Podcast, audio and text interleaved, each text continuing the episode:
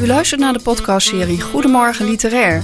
Met interviews uit het radioprogramma Goedemorgen Hengelo van 120.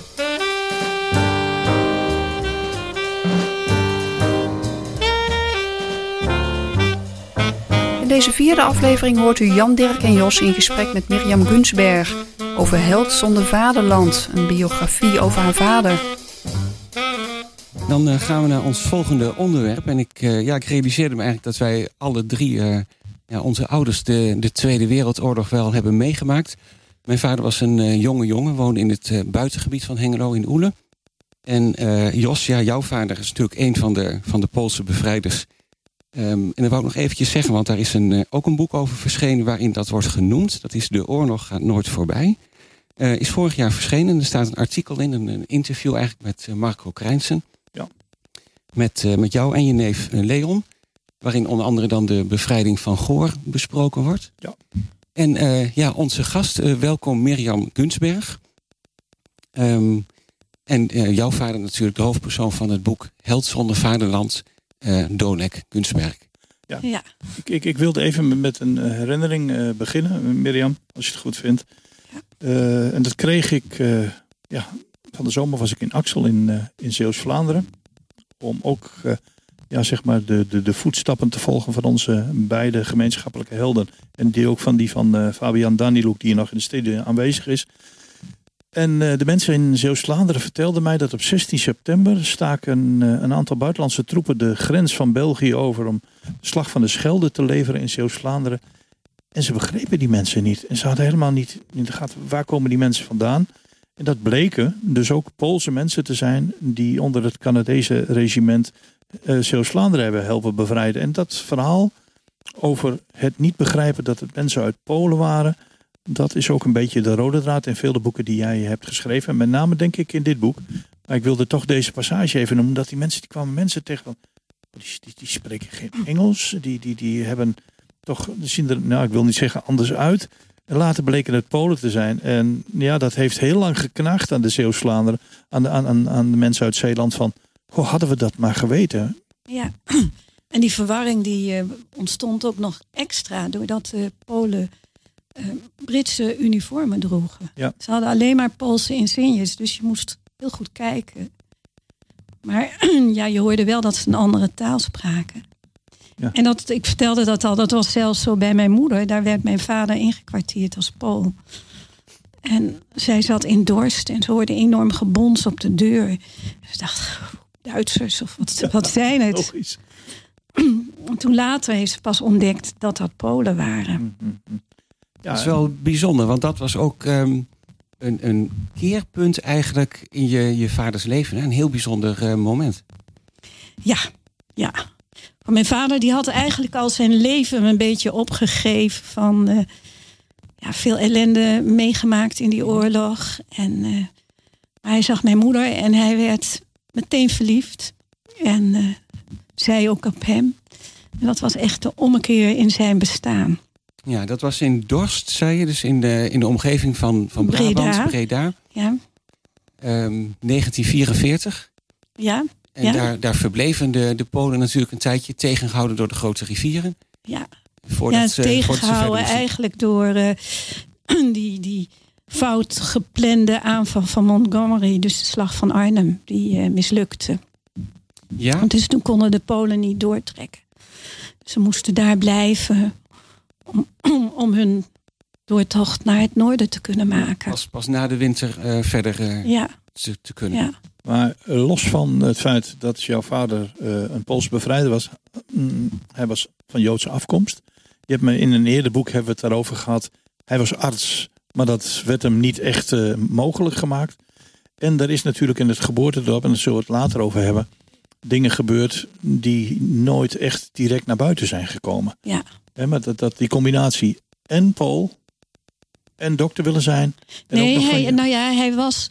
Hij, Polen mochten, Joden mochten in Polen niet medicijnen studeren. Maar daarom is mijn vader naar, uiteindelijk naar Italië gegaan, naar Perugia. Dan zat hij in Italië toen de oorlog uitbrak. En toen heeft hij zich gemeld als arts bij het Poolse leger in Parijs. Ja, want dat hebben heel veel mensen gedaan. Die hebben zich gemeld bij, dat, bij die Poolse divisie. Ja. Ja. En van daaruit ging het dan naar Schotland. En toen Nou ja, de, de Fransen gaven zich heel snel over. En toen werden die Polen opnieuw partisanen. Want eh, ze hoorden nergens meer bij. Maar toen heeft Maciek in 1942 in Schotland de eerste Poolse panzerdivisie opgericht. En daar zijn heel veel Polen naartoe gereisd. Ja. Waaronder mijn vader ook. ja, ik denk het merendeel heeft gezegd van... Goh, wij willen ons bij deze Poolse generaal gaan aansluiten. Ja, maar het grootste gedeelte, eh, een heel groot gedeelte, maar een heel groot gedeelte is ook via andere wegen. Ja, want ze kwamen wel overal vandaan. Hè? Ja. Dat, dat heb je in je boek ook, eh, ook wel beschreven. Ja, Dat de, de Polen die toen onder generaal Maciek eh, wilden gaan dienen... ze kwamen ook uit Noord- en Zuid-Amerika. ja ze kwamen overal vandaan en er zijn dus ook Polen gevangen genomen in Siberië van het leger. En die hebben ook weer een hele tocht gemaakt. Zijn ook Polen krijgsgevangen gemaakt door de Duitsers. En toen ze vochten bij Falaise, toen zijn er heel veel overgelopen naar het Poolse leger. En dat was ook een hele moeilijke positie voor die Polen, want die schaamden zich daar een beetje om. Dat ze zoiets hadden, nou, we hebben eerst tegen ons eigen volk gevochten. En later konden ze toch weer meevechten Ze met waren Polen. krijgsgevangen gemaakt door de Duitsers... moesten meevechten met de, Met de Duitsers, Duitsers. Ja, om de invasie tegen te gaan. En daarbij waren Poolse soldaten... en daar hebben ze zich toen weer bij aangesloten. ja. Oké. En dat waren er behoorlijk veel. Dat, je kan dat heel goed zien in het overzicht van in het Generaal Maciek Museum. Wat er was. Oké, nou had je drie eh, boeken geschreven waarin de geschiedenis van eh, Polen in Nederland of eh, een Poolse oud-strijder in Nederland aan de orde komt, maar niet altijd direct je vader. In, in romanvorm misschien wel. Ja, Maar deze keer is het dus wel echt een heel persoonlijk verhaal. ja. Heb je dan ook geaarzeld voordat je het zou publiceren? Of, of gedacht van oei, nu gaat het gebeuren? Nou ja, ik had natuurlijk niet voor niets voor romans gekozen. Nou, ten eerste ben ik romanschrijver. Maar eh, mijn vader sprak weinig over vroeger. En dan is de fantasie een heerlijk iets om alles aan te vullen. Op een goed moment dacht ik, nee, zijn verhaal moet verteld worden en dan maar zo precies mogelijk. Dus met de weinige middelen die ik had, heb ik toch de waarheid proberen te achterhalen. En Ja, en, ehm, en, en zijn verhaal is misschien wel goed om, om eh, even bij na te gaan. Want we kennen hem als, tenminste veel mensen kennen hem als anesthesist uit het eh, ziekenhuis hier in Hengelo. Ja, Ehm, en in Oldenzaal misschien. In heel Twente. Hij was in In heel Twente. de enige en de eerste in heel Twente. Was hij. Nou, hij was dus al legerarts in het eh, Poolse bevrijdingsleger. Maar daarvoor, terug naar zijn jeugd, daar heb je ook nog best veel informatie over kunnen vinden. Ja, ja, Geboren in 1908. ja. In, in eh Novitark. In een, Ja. in een Joods dorp. Echt een Jo Nee, niet een Joods dorp, maar toch wel in een heel Joodse gemeenschap. Ik ben eh, in zijn oude gymnasium geweest. En daar stond nog in zo'n boek stond zijn naam ge- genoemd. Dat is heel ontroerend als je dat ziet. Maar waar ik ook geweest ben, en dat was nu voordat ik dit boek schreef, eh, is op de Joodse begraafplaats daar. En daar heb ik eigenlijk, doordat ik ook iemand ontmoet heb die een proefschrift over de Joden in Novitark heeft geschreven, ontdekt hoe gruwelijk eh, mijn grootouders en zijn, de hele familie van mijn vader aan zijn einde is gekomen in dat dorp. Ja, en dat is Op iets wat dag. jouw vader niet heeft geweten. Of pas na de oorlog misschien heeft gehoord. Ja, ik denk na de oorlog gehoord ten dele. Maar het was al in 1942 toen in, in Schotland dus het leger eh, opgericht werd. Maar op, wat ook heel veel mensen niet weten is dat eh, in Polen er heel veel kleine, ehm, de Joden ook in, in, ja, in een soort ghettootjes, in kleine stadjes bij elkaar werden gedreven. En dat ze daar al voor de kampen massaal vermoord werden. Ja, wist ik ook niet. Ik, ik had wel die, die ghetto's in de grote steden. Ja, Maar dat gebeurde dus in kleinere steden ook wel. ja. En, op, en, en op één dag eh, hebben mijn grootouders moeten toezien. Want mijn vader was, mijn grootvader was daar zo'n beetje die voornaamste man van die gemeenschap. Dat al de Joden moesten zich eerst uitkleden, werden doodgeschoten. En als laatste mijn grootouders. Dus, Ja, want een van die passages komt ook in een vorig boek van, eh, van jou voor. Alleen toen is daar niet dieper op ingegaan. En nu heb je gezegd van ik wil daar, ik wil niet de onderste steen boven hebben, maar ik wil er toch meer over weten. Want als er ergens over gezwegen is of niet verteld is, dat is punt 1 de oorlog. Maar die periode daarvoor, wat er in onder andere een van de dorpjes zoals Novitarg is gebeurd. ja. En eh, daar ben je voor op pad gegaan. En stonden ook mensen open voor dat wat je wilde weten. Nou ja, een, een, een handjevol. Een handjevol stond ervoor open, want die vrouw van wie ik het eh, proefschrift heb, die kwam, was geen Joodse vrouw, maar die werkte wel bij het Holocaust Museum. En zij kwam in Novitark wonen en zij merkte dat nergens eh, Joodse tekens waren. Of een- geen nalatenschap. Oh nee, geen, geen zichtbare herinneringen. Nee. En toen dacht ze, ik ga het heel nauwgezet in kaart brengen. En kijken wie en wat daar gewoond heeft. En zo stuitte zij heel vaak op de naam Gunsberg. En ik ben weer op haar gestoot. Dus het was heel bijzonder, onze ontmoeting. Dat zij eigenlijk veel meer van mijn familie wist dan ik. Ja, over de je zelf geschiedenis wist, ja. Ja. En, maar dat is nog helemaal niet zo lang geleden, toch? Dat je daar bent geweest? Nee, dit is eh, voor, net voor het schrijven van dit boek. Dat is eh, zeg, zeg maar anderhalf jaar geleden. Ja, dat is nog heel recent. Ja. Nou, nou was je vader daar geboren. Was eh, blijkbaar een pinter want hij ging naar het gymnasium. Maar, eh, ja. Eh, wilde graag medicijnen studeren. Maar hij had ook iets van literatuur of toneel gestudeerd. ja, want dat mochten de Polen wel. Dat mocht wel. Oké. En dat vond hij ook heel leuk hoor. Want dat heeft hij later ook met plezier bedreven. Ook in Twente. Zoals op school hier. Ja. Op de middelbare school. Dan deed hij, was hij vaker de regisseur. En eh, ja, hij, soms, hij sprak niet veel Pools. Maar soms ging hij opeens in het Pools declameren. Helemaal met veel pathos en gebaren. en Oh dan ja, kwam, ja, ja. ja. kwam er een oud, oud ik naar voren van hem. Zeg maar. Ja, en, maar dat had hij niet afgemaakt. Toen is hij naar medicijnen overgegaan in Praag en later Perugia. Ja, maar dat wilden zijn ouders heel graag dat hij medicijnen zou studeren. Want dat had natuurlijk toch een soort eh, zeker, aan, zeker aanzien. En eh, dus mijn vader heeft dat gedaan. En eh, Eh, voordat je naar een passage gaat, eh, want we hebben je, heb ik je gevraagd om, om iets voor te lezen. eh, toch even terug naar de titel, Een held, uiteraard. Net Mhm. zoals alle Poolse bevrijders, maar sowieso alle bevrijders, zonder vaderland. En dat zonder vaderland, dat weten een heleboel mensen in Nederland niet. Maar waarom die toevoeging? nou, heel veel Polen, die dus, en dat is een heel groot gedeelte, hè, dat we- weten jij en ik. Dat was, zij waren de vierde in aantal van de, Pools, van de, de Nederlandse bevrijders, überhaupt van de geallieerden. Die konden na de bevrijding van Nederland niet terug naar hun eigen land.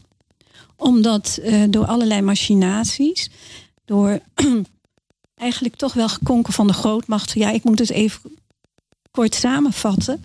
Mhm. Is eh, Polen ge- geofferd aan Stalin. Wat betekende dat voor de Polen die aan westerse zijde hadden gevochten, dat als ze terug zouden gaan, dat ze ofwel in het gevangen raakten of een kopje kleiner werden gemaakt. En mijn vader was ook nog eens een keer Jood. Ja. Er zijn nog heel veel Joden naar de hand vermoord. Dus ja, Ja, want inmiddels was dus ehm, ehm, Stalin eh, beheerste over, over Polen inmiddels. Ja. Had daar in ieder geval eh, indirect dan wel de macht in handen. eh, ja, ja, ja. Meer dan jouw passage. Ja, ik ehm, lees een passage voor die een beetje dicht bij mijn vader staat. Dus wat minder ehm, helpt. Heb hulp nodig. Er klonk paniek in mijn vaders stem.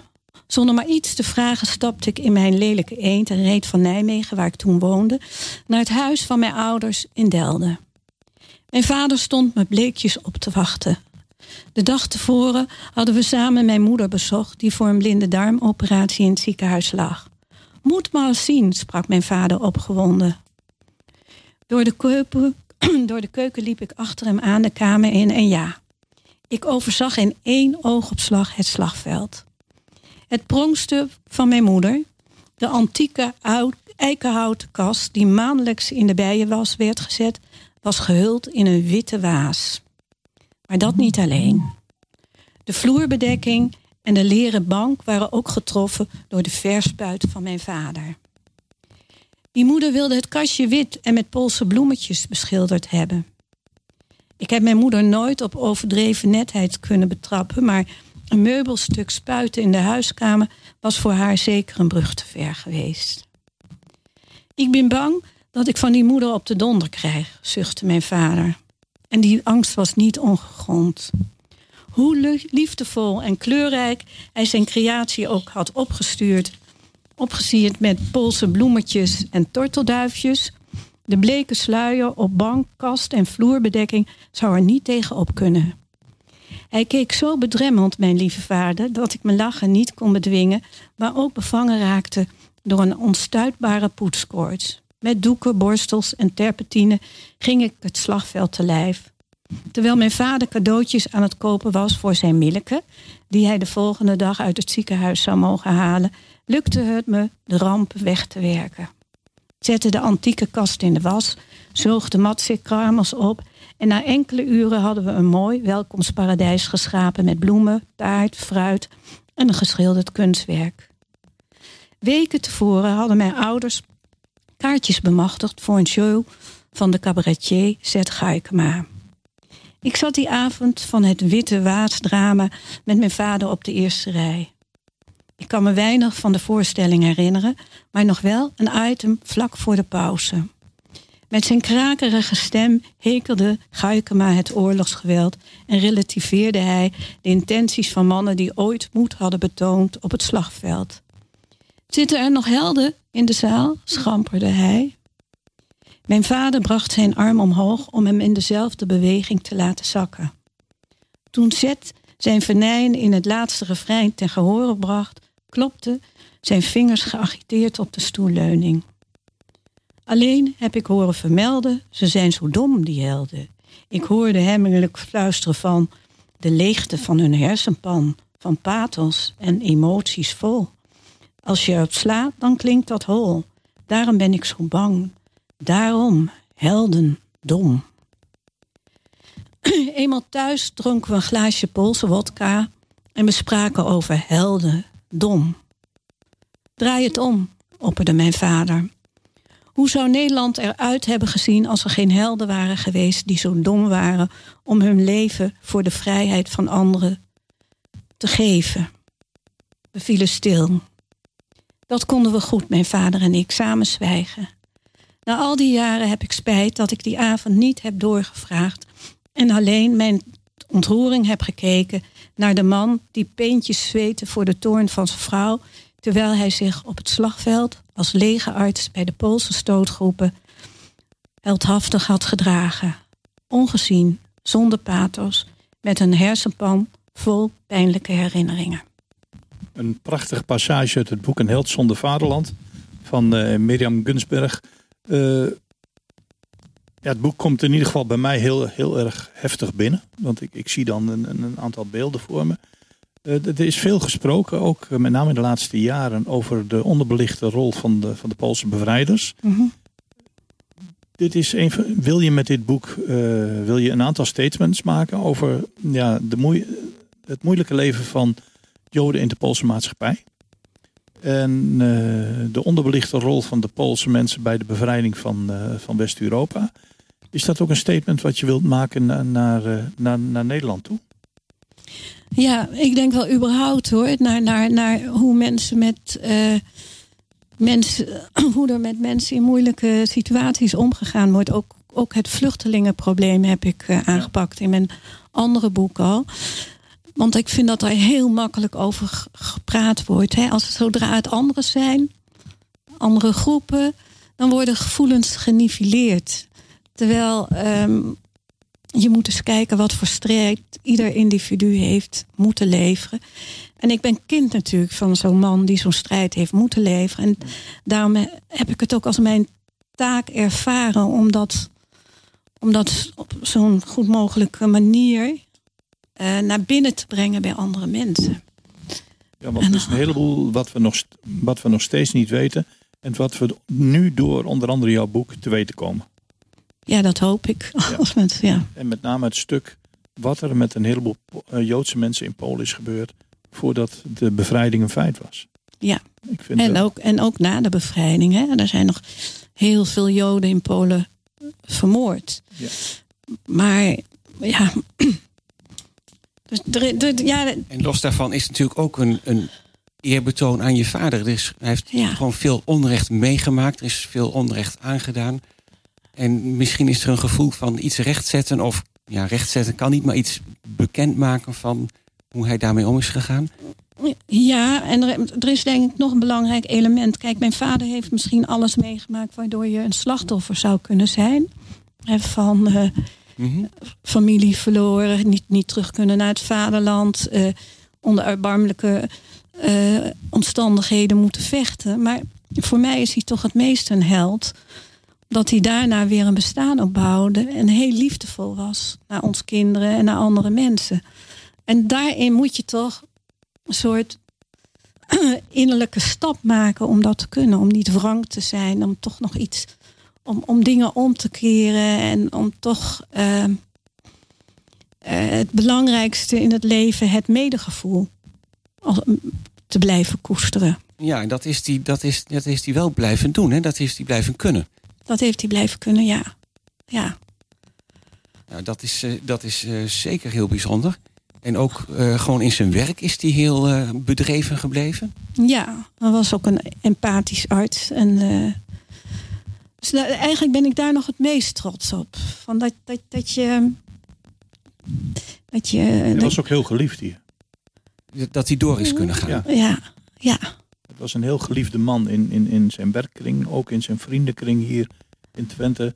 Als je het eh, had over je vader, dan, dan, ja, dan ontstaat er toch een, gaat er een warmte uit van de mensen die hem gekend hebben. Ja, en- uit, hij was natuurlijk ook wel gezellig.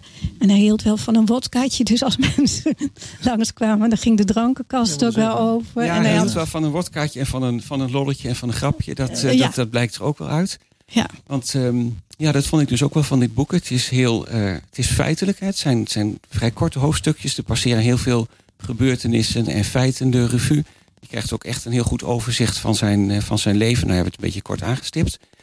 Maar het is ook wel heel menselijk. Je ziet ook ehm, eh, toch, toch de man ehm, er wel eh, doorheen. ja, nou, ja dat, dat hoop ik. Want kijk, hij, voor mij was hij natuurlijk in eerste instantie een vader, een mens. En, een, eh, Ja. en die heb ik neer willen zetten. Maar hij staat wel symbool voor, voor al die Poolse helden die niet geëerd zijn. Zij staat symbool voor onze vaders. Het is wel mijn vader, maar Ja. ik denk hij staat symbool voor onze vaders. En hij heeft ergens eh, ja, die geschiedenis van, van voor en tijdens de oorlog heeft hij min of meer achter zich gelaten. Maar wat ik wel heel erg mooi vond, was dat je schreef.